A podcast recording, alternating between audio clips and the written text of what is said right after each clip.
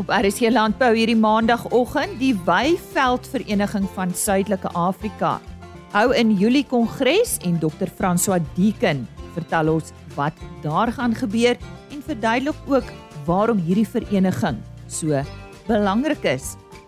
Koos de Pisani het meer gaan uitvind oor opkomende boere se deelname aan 'n slaglam kompetisie op Prieska Hy gesels met Dirk Zandberg van Samic oor die opleiding wat hierdie produsente ontvang om hulle voor te berei om aan hierdie kompetisie deel te neem. Hy het ook met Johan Breitenberg van die Vrystaat Sambreel Brandbestrydingsvereniging gesels oor die gevare wat veral boere in die Noord-Kaap van jare in die gesig staar en hoe risiko verminder kan word. Maar hierdie waarskuwings geld vir landbou in die hele Suid-Afrika. So bly ingeskakel. Hartlike goeiemôre. Ek vertrou jy het 'n uh, rustige naweek agter die rug, dat jy nie te koud gekry het nie en reg is vir die week wat voorlê. My naam is Lise Roberts. Ons skop vandag se program af met nuus oor veilinge en dit is veilinge vanaf vandag tot en met 7 Julie volgende week. Die eerste een is Woensdag 29 Junie en ek het al met Barry Hertzog hieroor gesels. Dit is die Boshoff Bonsmara produksieveiling daar op die plaas tussen Delmas en Leandra aangebied deur BKB. Op die 1 Julie die UP George 24ste produksieveiling. Dit is op die plaas by Wasbank in KwaZulu-Natal.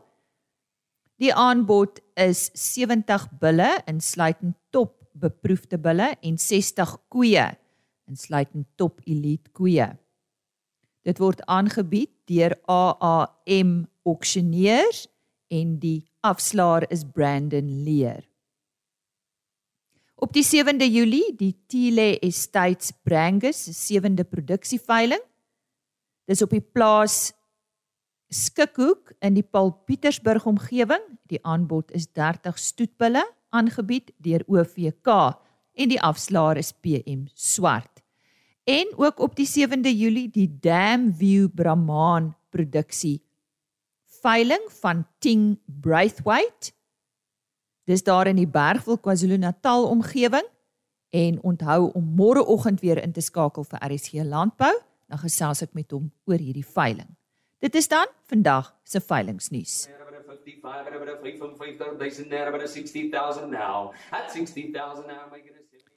Slaglam kompetisies is besig om meer veld te wen.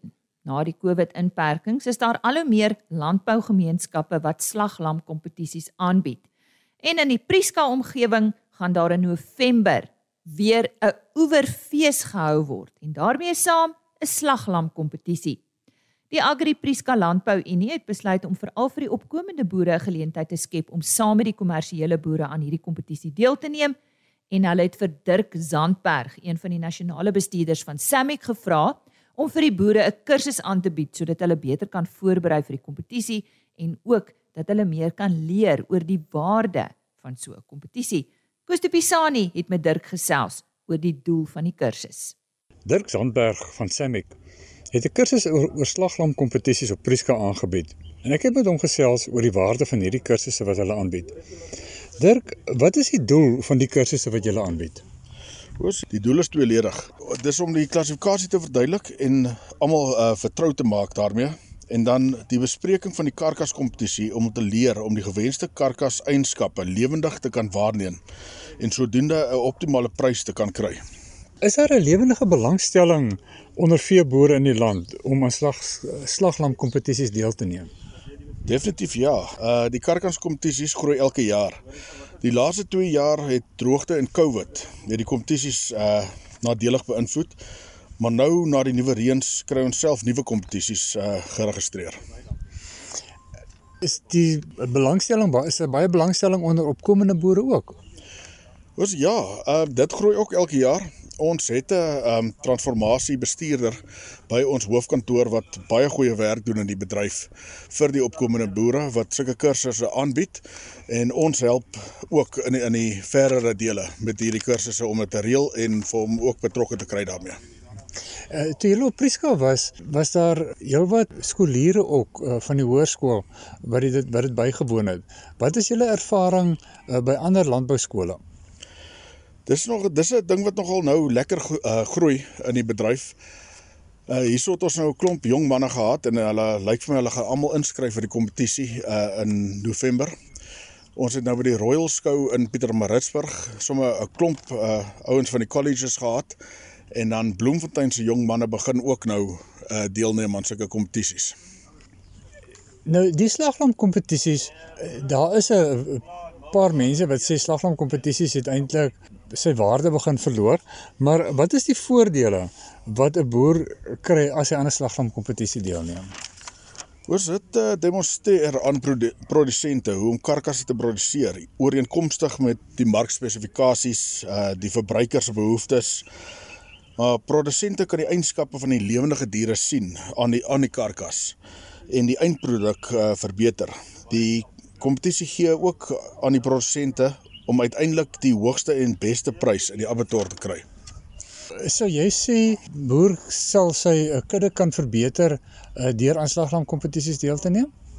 Definitief. Uh as jy na die uitslae kyk wat ons vir die boer gee, kan hy sien waar hy verkeerd gegaan het met die voeding, te veel of te min. Hy kan op die bouvorm kyk waar hy miskien 'n beter teelramme moet kry of teelbulle as hy dun skouertjies het of hy waar hy ook al fout gaan, hy kan verbeter. Dit was uh, Dirk Zandberg wat so gesels. Ek is Koos de Pisani vir RSC Landbou op Prieska.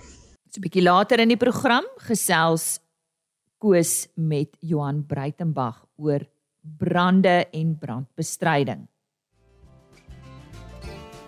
As jy nou hier by ons aangesluit het, baie welkom.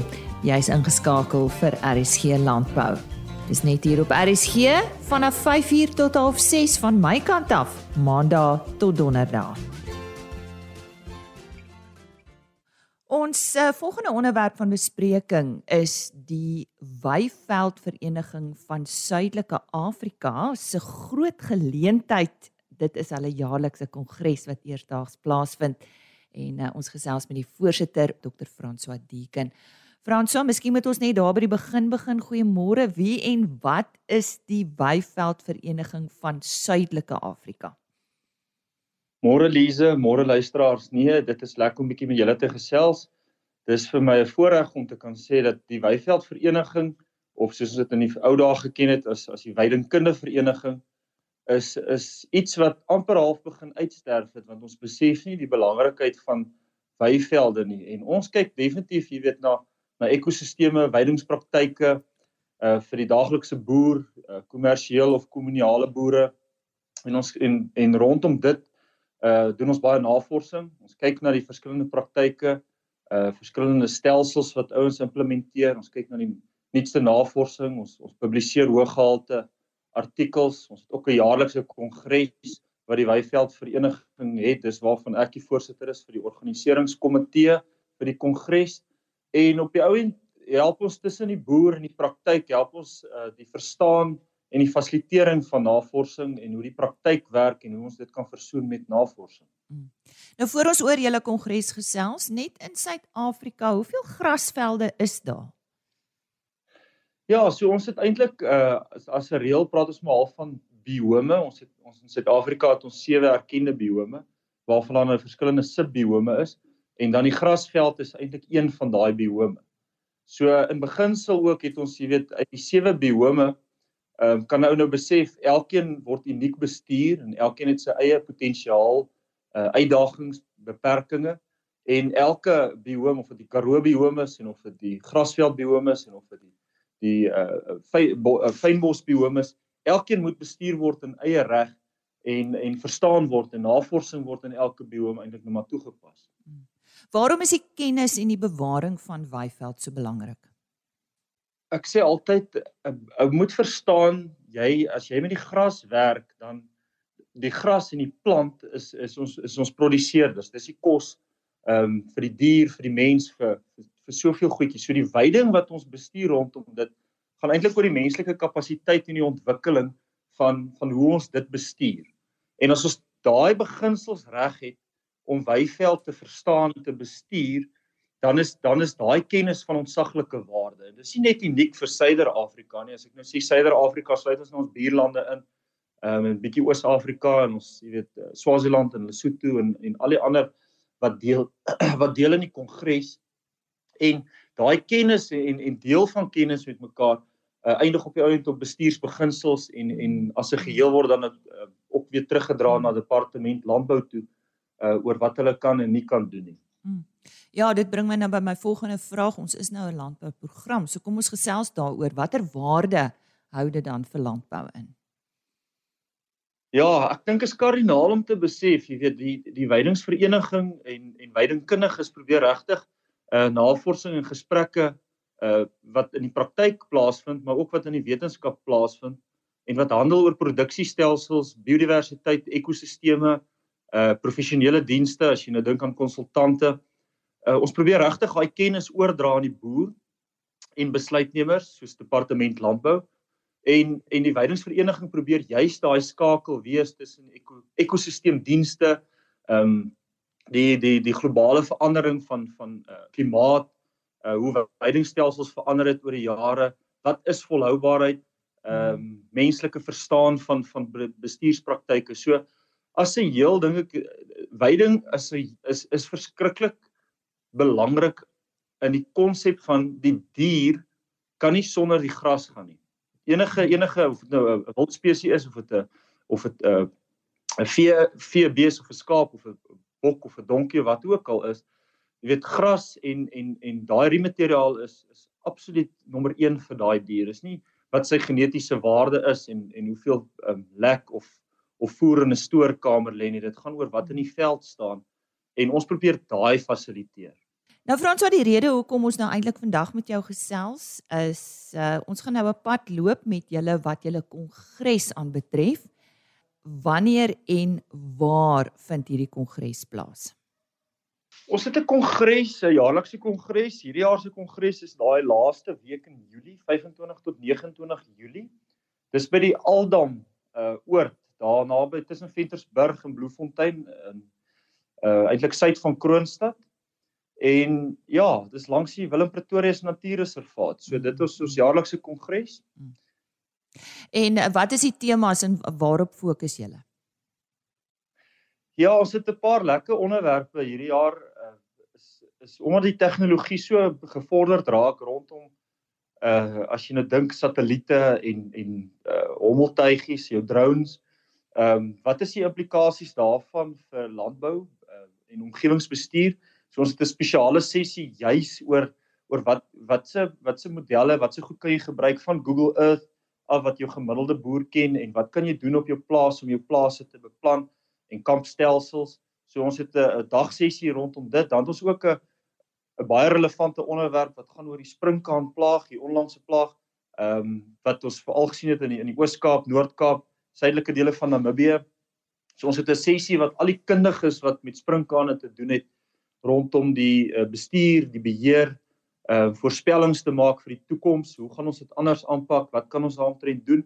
So die die die springkane is 'n groot sessie en dan natuurlik uh ons herlewingslandbou, jou jou regeneratiewe uh weidingstelsels, uh iets wat wat van die Universiteit van die Vrystaat af 'n uh, bietjie gefasiliteer gaan word uh rondom wat is die nuutste praktyke, wat is al jare in bedryf, jy weet wat werk vir een ou, wat werk dalk nie vir 'n ander ou nie. Dis nie 'n uh, dis nie so eenvoudig nie maar daar sal daar sal 'n uh, groot uh, afvaardiging van die boere se kant af wees rondom hierdie herlewingslandbou. Uh, as 'n spesiale sê uh, sessie op op 'n dag wat ons net daaroor gaan praat. François, ek sien julle het sommer 'n lys van interessante onderwerpe wat bespreek gaan word. Ons het nou nie tyd om oor elke een in diepte te gesels nie en ek wil dan net vir die luisteraars sê aan die einde van hierdie gesprek gaan ons vir julle 'n webwerf en e-posadres gee vir die wat belangstel om dit by te woon. Um, gaan vinnig met ons deur daai onderwerpe. Ja, nee, dankie. Ek dink uh, ons het baie relevante onderwerpe veral van 'n boer se kant af vandag is hy hy moet weet wat is die nuutste inligting rondom veiding en veidingspraktyke, uh navorsing. Ehm um, dis wat ons deel, dis waar die kongres gaan en ons het 'n lekker interaktiewe gesprekke. Ons dink aan bosverdigting, klimaatsverdigting, kommunale kommersiële boere se weiveldbestuurs en praktyke, uitdagings, bewaring, restaurasie, jou voer en voeding en jou nuutste navorsing rondom voer. En dan ons kyk ook bietjie na vuur ekologie en praktyke, jou jou vee en en wild en bestuurspraktyke, aangeplante veidings is 'n baie belangrike relevante onderwerp, herlewingslandbou en dan ja, ehm um, nuutste inligting rondom jou hoë druk en ultra hoë druk beweiding en die impak van dit op jou veld langtermyn en die volhoubaarheid. So daai is maar net van die onderwerpe wat ons gaan gaan behandel. En kan enige persoon dit bywoon? Ja, natuurlik. Nee, Jessie, dit sal vir ons lekker wees hoe meer mense ou kan kry wat kan deel in die gesprekke. Uh julle is is natuurlik enige boer is welkom, enige navorser, enige hmm. ou wat bietjie uh, baat kan vind by enige van die onderwerpe of gesprekke is baie welkom. Goed om jy af te sluit. Meer inligting asseblief François. Ja, ek sal graag net uh, wil beklemtoon. Ons moet vir ons moet onthou ons boer nie met 'n dier nie, ons boer met gras. Mm. En en hoe da, hoe meer ons hierdie hierdie konsep kan verstaan van gras is vir jou geld en jy kan gras omskakel in in rand en sent deur die dier. Mm. Dis hoekom ons hierdie hierdie konsepte en hierdie navorsing ontwikkel en en vers, moet probeer verstaan. So vir die vir die boer of die kommersiële boer is dit is dit belangrik om om daai daai daai veld te kan lees en kennis te versamel om te weet of jou veld vooruit gaan of of hy agteruit gaan. En en daarom is dit belangrik om hierdie kongres by te woon. So as daar enigiemand is wat iets meer oor die kongres wil weet, gaan gaan kyk asseblief, ons het 'n webwerf uh grassland uh .org.za so as jy net gaan gaan op op enige um, um soek engine gaan in in intik daar dan jy sien maar net Grassland Society of Southern Africa van Suider-Afrika die weidingsvereniging. Of jy kan 'n e-pos stuur aan ons uh aan Erika Joubert ons wat ons vas, help fasiliteer met met al die um, mense wat gaan bywoon en dit is by info@grassland.org.za. En so sê die voorsitter Dr. François Deeken en onthou daardie uh, webtuiste en e-posadres is nie .co.za nie dis .org.za grassland.org.za. Ons het vandag met hom gesels oor hulle jaarlikse kongres en dit is van 25 tot 29 Julie soos hy gesê het by die Aldam Oord en hierdie is 'n eerste gesprek hieroor.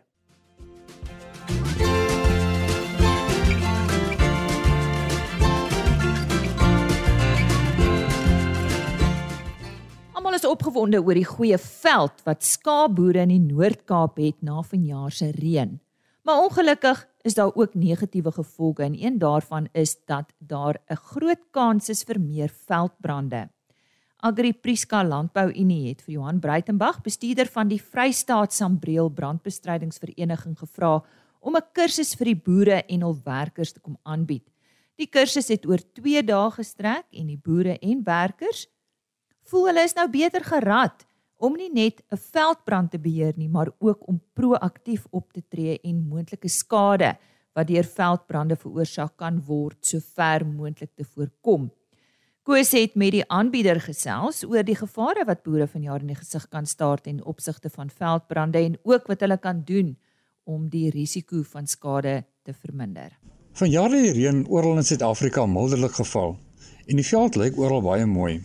Maar kinders verwag dat daar vanjaar meer veldbrande in die omgewing gaan wees as in ander jare. En ek gesels vandag met Johan Breitenberg, die bestuurder van die Vrystaat Sambreel uh, brandbeskermingsvereniging. Johan, dink jy die boere kan meer veldbrande verwag as in ander jare? Uh, koes ja. Ja, definitief ons kan. Ehm um, vir vir spesifiek in die Noord-Kaap uh, gedeeltes waar ons nou tans sit, ons in in hierdie Prieska gedeeltes. Hierdie is hierdie is areas wat oor die algemeen ehm um, heelwat minder reënval kry en die reënval in hierdie hierdie gedeeltes en oor groot gedeeltes van die van die land was baie meer as wat normaal was en die reënseisoen was ook baie langer. So wat gebeur het daarso is daar's mildelike daar's mildelike uh, ehm um, groei gewees. So so ons verwys na die na die biomassa Uh die plante groei was net van so aard geweest dat ons het baie meer goed wat kan brand en daar's gedeeltes uh wat gewoonlik nie hierdie tipe van brandstofladings het nie wat nou hierdie jaar in die winterseisoen sit met baie hoë brandstofladings wat wat buitengewoon is vir vir areas. So die kort antwoord is ja, maar ehm um, maar daar's redes daarvoor. Wat dink jy kan boere doen om uh, voorsorgmaatreëls betyds in plek te kry om uh, veldbrande te voorkom op hulle plase?